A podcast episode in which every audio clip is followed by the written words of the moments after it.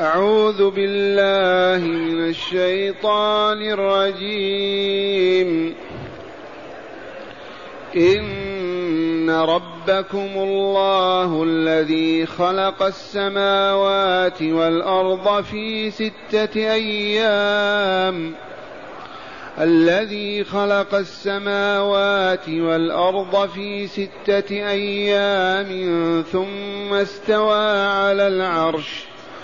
يدبر الأمر ما من شفيع إلا من بعد إذنه. ذلكم الله ربكم فاعبدوه. أفلا تذكرون؟ إليه مرجعكم جميعا وعد الله حقا.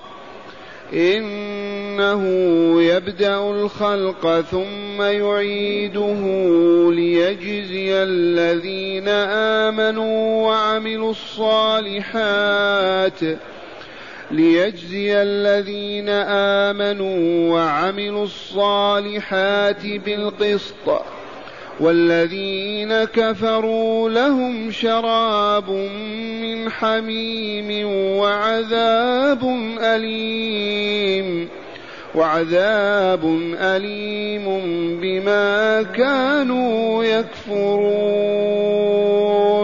معاشر المستمعين والمستمعات من المؤمنين والمؤمنات قول ربنا جل ذكره إن ربكم الله الذي خلق السماوات والأرض في ستة أيام ثم استوى على العرش.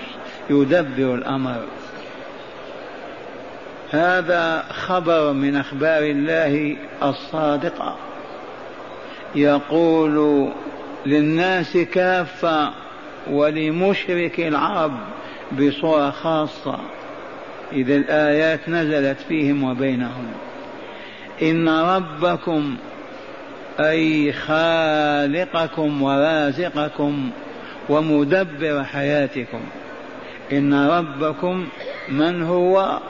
ليس اللات ولا العزى ولا منات. ليس ملائكة ولا جن ولا إنس بل هو الله. وإن شئت قل إن معبودكم الحق الذي ينبغي أن تعبدوه الله. أو تقول إن خالقكم ورازقكم ومدبر حياتكم هو الله إذا هو الذي يجب أن تعبدوه بطاعته وطاعة رسوله بفعل ما يأمران به وينهيان عنه. أما غير الله ليس له حق في أن يعبد أبدا ما هو بربنا أبدا؟ ما خلقنا ولا رزقنا ولا خلق الكون والحياة من أجلنا إذا كيف يعبد؟ إن ربكم الله الذي خلق السماوات والأرض. السماوات سبع سماوات سبع طباق سماء فوق سماء سمك السماء مسيرة خمسمائة عام. ما بين السماء والسماء مسيرة خمسمائة عام. هذه الأكوان من خلق اللات؟ عبد القادر عيسى مريم. من الخالق؟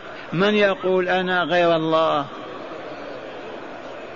هذا الذي يستحق أن نخضع له ونذل. ونطمع فيه ونرفع كفنا إليه ضارعين سائلين لأنه ذو القوة العظمى والقدرة التي لا حد لها والرحمة العامة فسبحانه من إله كريم.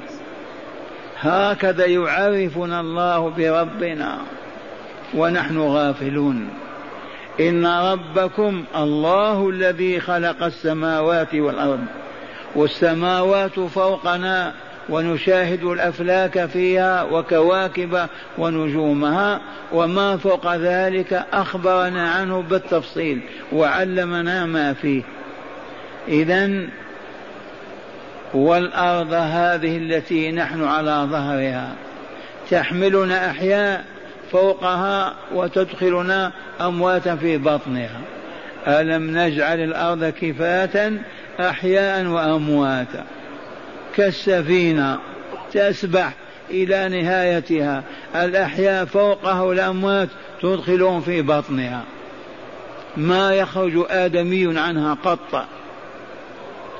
إذا في ستة أيام هذه الأيام الستة بين الرسول الكريم صلى الله عليه وسلم وهو الذي له الحق أن يبين لأنه يتلقى الوحي من الله. ويتلقى العلم من الله. فأخبر أنها يوم السبت يوم الأحد والاثنين والثلاثاء والأربعاء والخميس والجمعة تم فيها الخلق. في ستة أيام هي اليوم الأول الأحد والثاني الاثنين والثالث الثلاثاء والرابع الأربعاء والخامس الخميس والسادس الجمعة. ثم أيام خلقها ما كانت شمس ولا قمر ولا كواكب وليست كأيامنا هذه المقدرة بمسيرة الشمس فوقنا. فقط نؤمن بأن هناك أياما خلق الله فيها السماوات والأرض وهي ستة فقط والله لا زيادة ولا نقص. وأخبرنا رسول الله فقال إنها الأحد والاثنين والثلاثاء والأربعاء والخميس والجمعة.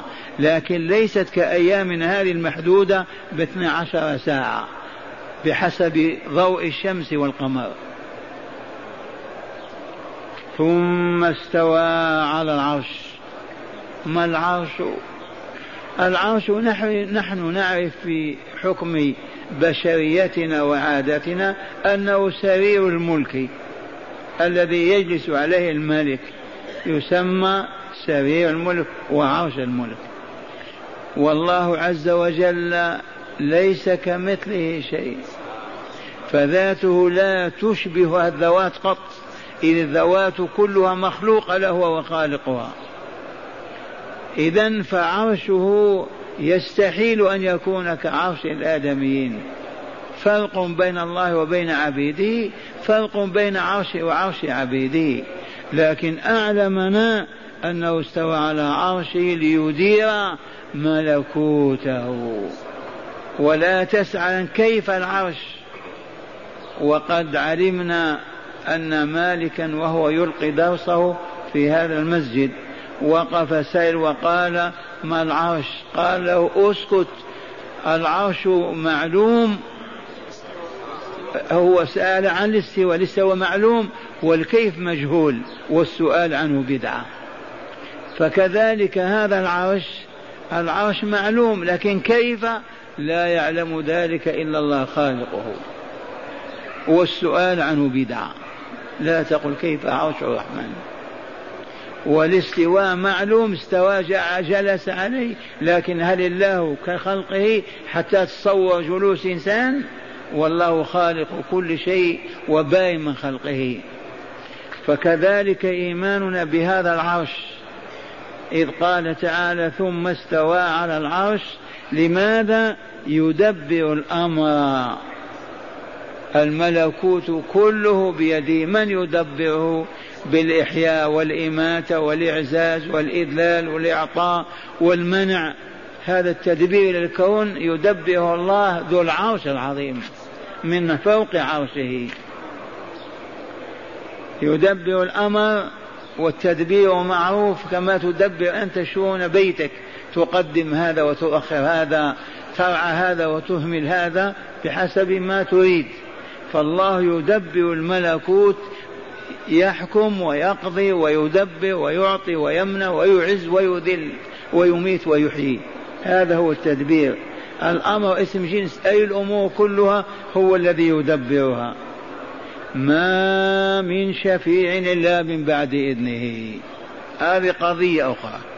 بعدما قرر ربوبية الله الموجبه لألوهيته إذ لا يكون إلها إلا من كان ربا. بعبارة عامية لا يستحق أن يعبد إلا من كان خالقا لنا رازقا لنا. أما الذي ما خلق ولا رزق ولا دبر حياتنا بما يستحق أن يعبد؟ كيف يعبد؟ وهو مخلوق مربوب محتاج فقير مثلنا. إذا لما قرر الألوهية بالربوبية إن ربكم خالق هو الله الذي خلق السماوات والأرض هو المعبود بحق.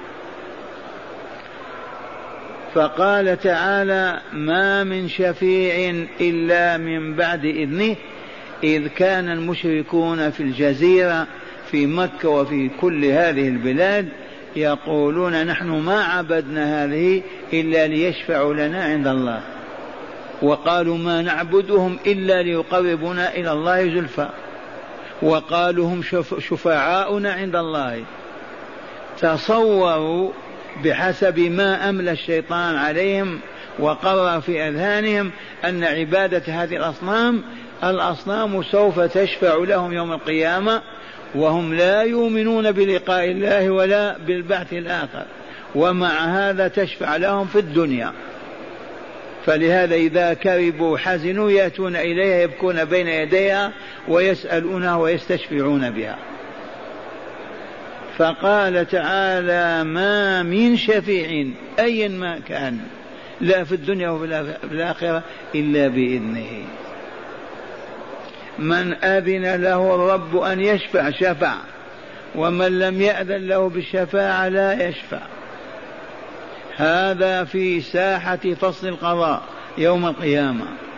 فمن تصور أنه إذا عبد ملكا من الملائكة أو عبد رسولا من الرسل أول من أولياء أنه يشفع له يوم القيامة وينجيه من النار ويدخله الجنة فقد أخطأ في فهمه وأساء.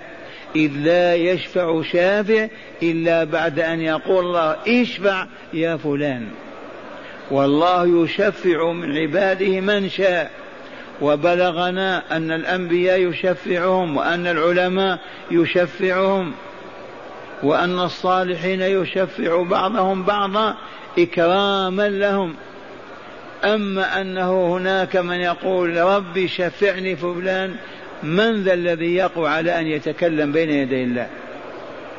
هذا رسول الله. صلى الله عليه وسلم الموعود بالوعد الصادق بأن يشفع. إذ قال تعالى له ومن الليل فتهجد به نافلة لك عسى أن يبعثك ربك مقاما محمودا. مقام يقوم فيه يحمده أهل الموقف كلهم. هذا المقام المحمود هو الشفاعة العظمى للخليقة كلها. وأخبرنا أنهم أي البشر يأتون آدم فيحولهم إلى إلى نوح. نوح يحولهم إلى إبراهيم إبراهيم يحولهم إلى عيسى إلى موسى. موسى يحولهم إلى عيسى وعيسى عليهم السلام يحولهم إلى محمد صلى الله عليه وسلم. فماذا يصنع؟ قال فآتي العرش فأخر ساجدا تحت العرش. فلا أزال ساجدا حتى يلهمني الله كلمات أقولها. ما كنت أعرفها. أمدح فيها الله وأثني عليه. فإذا قلت تلك الكلمات أو المحامد التي حمدت ربي بها وهو الذي أوحى علمني إياها وأنا ساجد يقول لي محمد ارفع راسك واسأل تعطى واشفع تشفع. بإذن الله وإلا لا. محمد ارفع راسك واسأل تعطى واشفع تشفع. فيشفع في الخليقة ليقضي الله بينها. فيدخل أهل الجنة جنتهم وأهل النار نارهم. إذا فانتزعوا من أذهانكم أن هناك من يشفع بدون إذن الله. واستغل هذا الجهال والضلال واعتقدوا أن شيوخهم يشفعون لهم يوم القيامة. فيتبرعون بالبستان وبالبقر والغنم للشيخ ليشفع له يوم القيامة. وهذا خطأ. إذ لا يشفع إلا من أذن الله له أن يشفع. وآية النجم واضحة. وكم من ملك في السماوات لا تغني شفاعتهم شيئا. اللهم إلا من بعد أن يأذن الله لمن يشاء ويرضى. وتأملوا. أولا يأذن الله تعالى لك أن تشفع. ثانيا أن يرضى عمن تشفع له أنت. فإذا كان ساخطا غاضبا على هذا يقبل شفاعة نبي أو رسول أو ولي فيه ما يقبل. ومعنى هذا أنهم يدخلونه الجنة بدون رضاه فلا بد وأن يرضى الله عن المشفوع له بأن يكون في جواره في دار السلام. فإن لم يرضى الله عز وجل فشفاعة موسى أو عيسى وغيرها ما تنفع. لا بد وأن يرضى الله عن المشفوع له فيدخل الجنة. هكذا يقول تعالى ما من شفيع بصيغة العموم ما من شفيع أبدا إلا بإذنه إلا من بعد إذنه من بعد أن يأذن له حينئذ يشفع. والمشفوع يكون قد رضي الله عنه ليجاوره في الجنة. دار السلام. ثم قال تعالى ذلكم الله ربكم فاعبدوه. هذا هو الله ربكم فاعبدوه. هيا نعبد ربنا كيف نعبده؟ يجب أن نعرف كيف نعبده. قبل أن نعرف كيف نعبد يجب أن نعرف بما نعبد. ما هي أوامره التي نطيع فيها؟ ما هي نواهي التي نطيع في تركها والبعد عنها؟ ومن هنا نجد أنفسنا ملزمين بطلب العلم ومعرفة ما نعبد الله به. فلهذا من الغريب البعيد أن يكون ولي لله تعالى جاهلا من ش... مما هو شبيب المستحيل أن يكون ولي الله تعالى جاهلا. لماذا؟ كيف يصبح ولي الله وهو ما يعرف كيف يعبد الله؟ ولاية الله يا معشر المستمعين والمستمعات تتحقق للعبد بالإيمان والتقوى. فالذي ما يعرف الإيمان كيف هو؟ لا يعرف كيف يتقي الله ولا فيما يتقي. أسألكم بالله كيف يكون وليا؟ فلهذا قالت العلماء ما اتخذ الله وليا جاهلا إلا علمه. ما اتخذ الله وليا جاهلا إلا علمه. أما يترك على جهل ويتخذ وليا ونفسه منتنة عفنة خبيثة أنى له ذلك وكيف يتم له؟ بين لنا عز وجل أنه ربنا خالقنا مدبر أمرنا يجب أن نعبده هيا نعبده.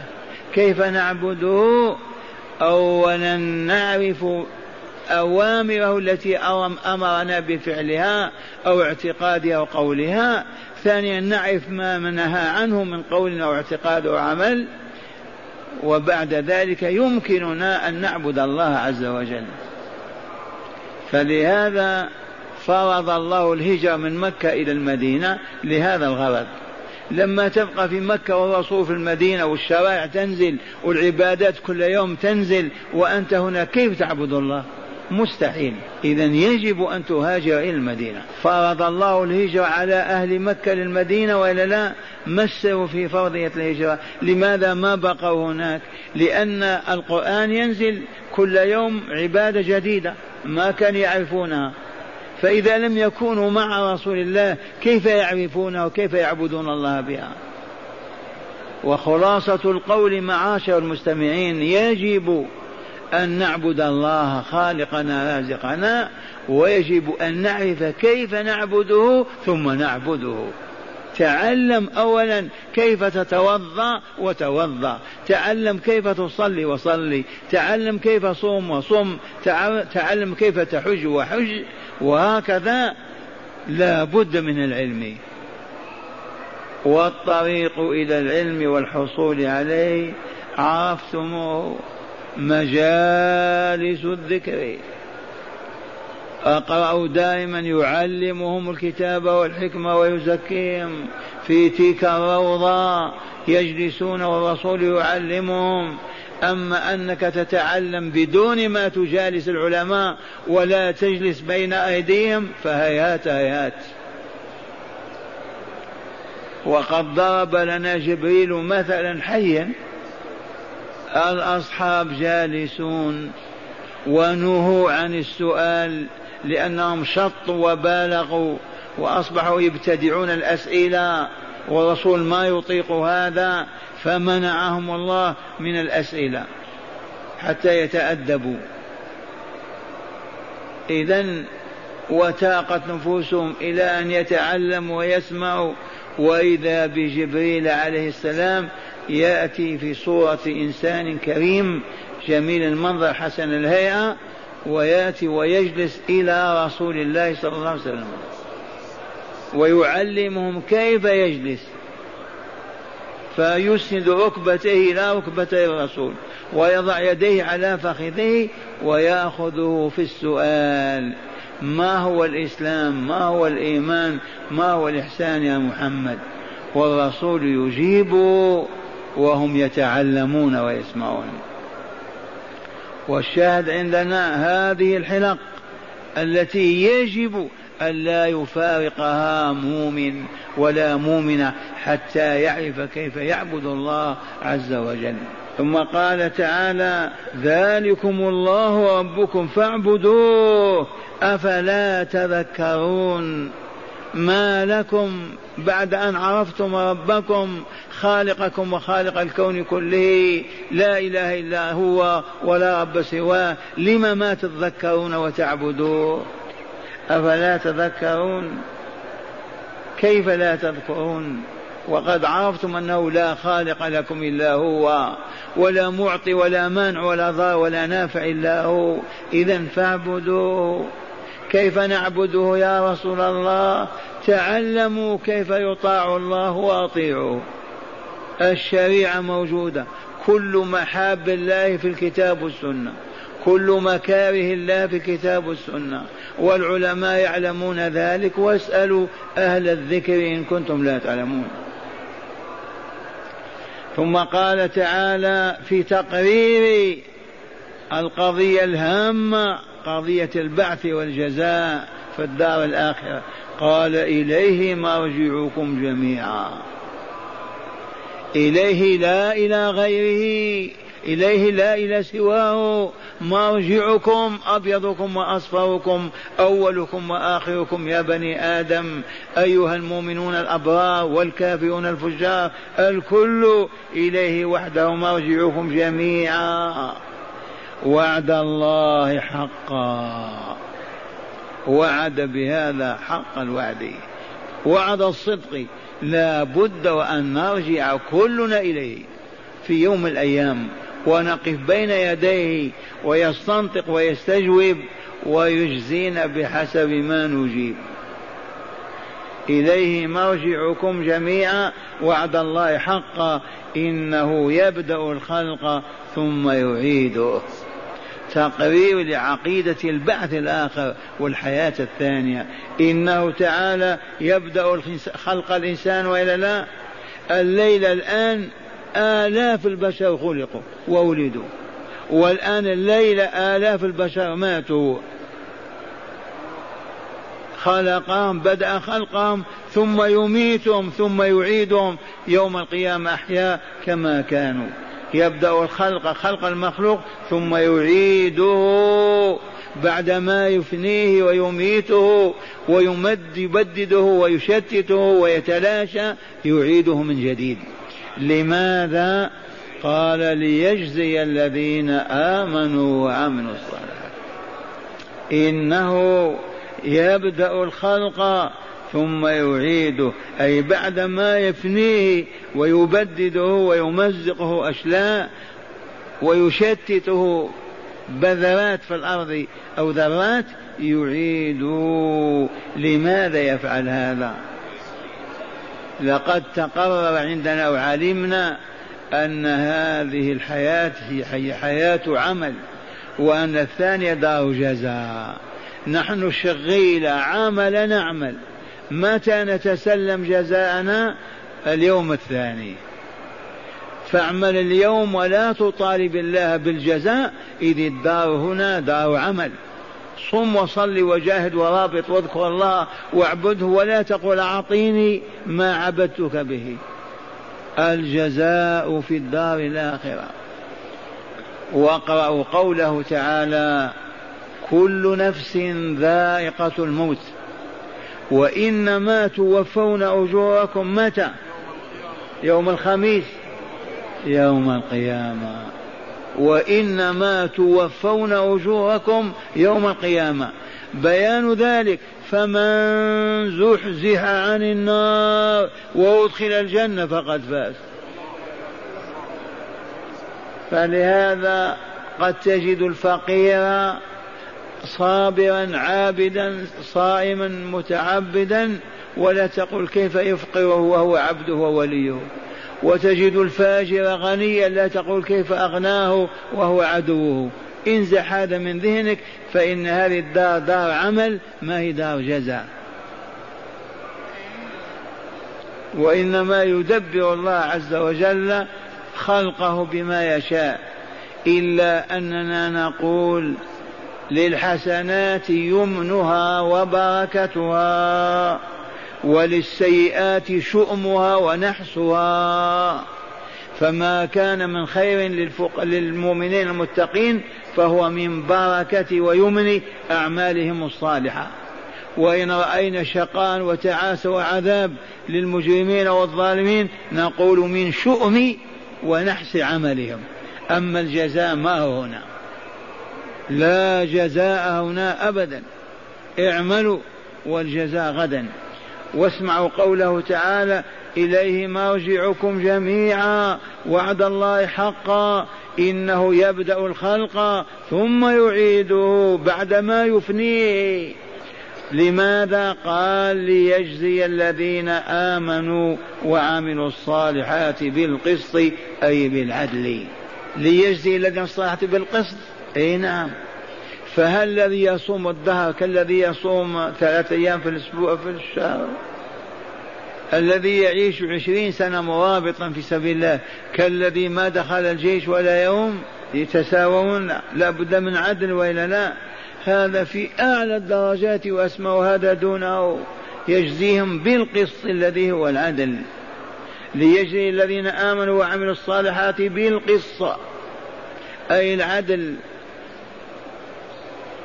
والذين آمنوا وعملوا الصالحات يجزيهم بالعدل بالقسط بحسب كثرة أعمالهم وقلتها. يبقى ما السر في هذا؟ لأن أنفسهم تزكو وتطيب وتطهر بحسب أعمالهم الصالحة. فليست الأرواح مستوية في الطهر والصفاء أبدا. متفاوتة. كما أن الأعمال ليست مستوى واحد بل متفاوتة. فالجزاء يكون متفاوتا لكن كله رضوان الله والنعيم المقيم في دار السلام. الصنف الثاني والذين كفروا. ما معنى كفروا؟ كذبوا. جحدوا. ما آمنوا بالله أو آمنوا بالله وما عرفوه ولا عبدوه. آمنوا بالله ثم تصوروا وفهموا عن الله ما هو بريء منه. فالكفر والعياذ بالله تعالى يشمل الشرك والعياذ بالله ويشمل الجحود والتكذيب ولو لآية من كتاب الله. ولو لحديث من أحاديث رسول الله التي صحت وثبتت. فالكفر بصورة عامة التكذيب والجحود والإنكار. هل يكون الكفر بمنزلة واحدة؟ هذا كفر فقط بآية. قال ما نؤمن بهذه الآية. وآمن بغيرها من ستة آلاف آية. كافر. هذا يقول آمنت أنا بالله عز وجل ولكن لا أؤمن بأنه يعلم كل شيء أو أنه قادر على كل شيء. هذا كافر. هل كفره كالذي يقول لا إله إلا الله؟ ثم يعبد مع الله غيره؟ على كل حال نسأل الله تعالى أن ينجينا من الكفر وأن يبعدنا من ساحته. إذ قال تعالى والذين كفروا جزاؤهم ما هو لهم شراب من حميم والحميم الماء الذي احتر واشتدت حرارته حتى أصبح فوارا. الحميم يسقونه ويصب على رؤوسهم هذا جزاؤهم شراب من حميم وعذاب أليم. شديد الألم موجعه. أين يكون هذا؟ في دار الشقاء في عالم الشقاء في النار جهنم. أين هي؟ دائما نقول انظر إلى كوكب الشمس. أكبر من الأرض بمليون مرة. كله كوكب كله نار. فلو جمعت البشرية كلها ما سدته ولا ملأته. بعد ذلك تسأل عن النار ما هي وأين هي؟ طاط راسك وفكر وأنت نازل بعقلك أسفل. إلى أين تصل؟ إلى بحر إلى جبل وبعد البحر بعد الجبل. إلى أين؟ تنتهي. إن كنت تؤمن بالله ورسوله تنتهي إلى النار عالم الشقاء. إلى الأرض إلى الكون لا نسبة لها. وحسبنا أن الكافر فيها ضرسه كجبل أحد. جسمه إذا كيف؟ ما بين كتفي الكافر يقول الرسول صلى الله عليه وسلم كما بين مكة وقديد 135 كيلو متر كيف يعيشون؟ ما هذا العالم؟ والرسول يبين يضرب المثل اغمس اصبعك في اليم في البحر واخرجه واخلص تلك ذلك البلل وزنه بالبحر. ما نسبة بلل صبعك في النيل؟ كذلك نسبة الدنيا إلى الآخرة. كل ما في الدنيا كذلك البلل الذي يعلق بأصبعك إذا غمسته في البحر. انسبه إلى ماء البحر. لا نسبة بينهم أبدا. والذين كفروا لهم شراب من حميم وعذاب أليم. لماذا؟ ما سبب ذلك؟ سبحان الله العظيم. ما تبقى لأحد حجة بعد هذا القرآن العظيم.